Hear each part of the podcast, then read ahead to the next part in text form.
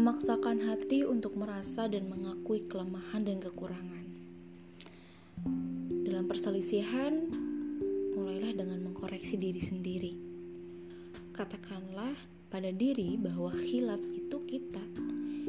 Yang keras, yang memaksa kehendak, yang tidak menerima adalah kita, bukan lawan kita.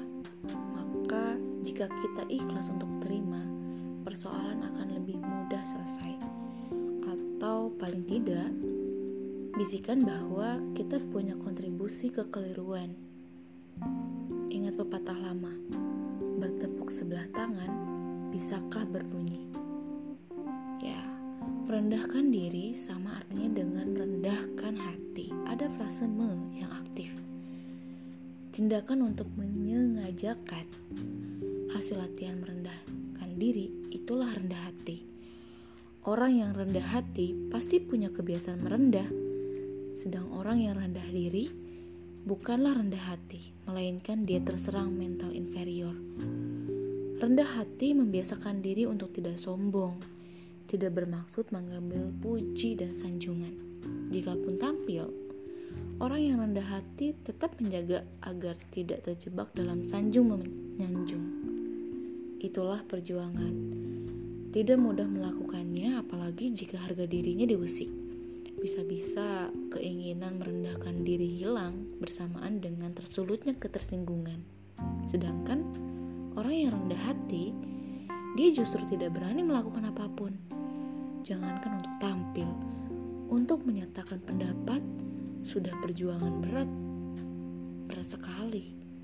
Untuk angkat tangan pun harus berpikir berkali-kali tidak punya keberanian, tidak ada keyakinan. Padahal belum tentu pendapatnya keliru. Belum tentu pula orang lain lebih baik ketimbang dirinya. Rendah hati dan rendah diri adalah dua hal yang berbeda. Namun, keduanya butuh perjuangan. Untuk rendah hati, perjuangannya bagaimana mematikan itu. Dan ini perkara tidak mudah untuk bangkit dari rendah diri juga harus berjuang melepaskan mental inferior. Ini juga tidak mudah. Namun, bagi yang rendah diri, begitu memiliki sesuatu yang bisa sejajar dengan dirinya, berangsur-angsur atau mendadak rendah dirinya hilang. Justru di sini letak bahayanya. Orang yang lepas dari mental rendah diri sontak harga dirinya melesat. Sulit juga mengontrolnya. Begitu naik pangkat, tiba-tiba saja jadi formal dan mudah tersinggung.